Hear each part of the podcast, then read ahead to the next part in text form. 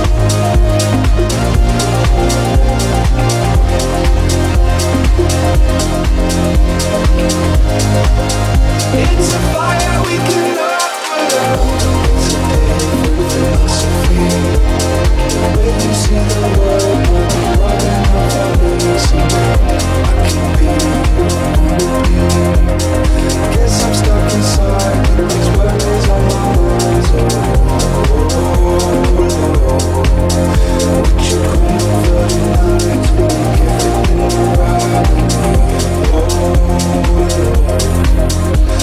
come over tonight and make it right?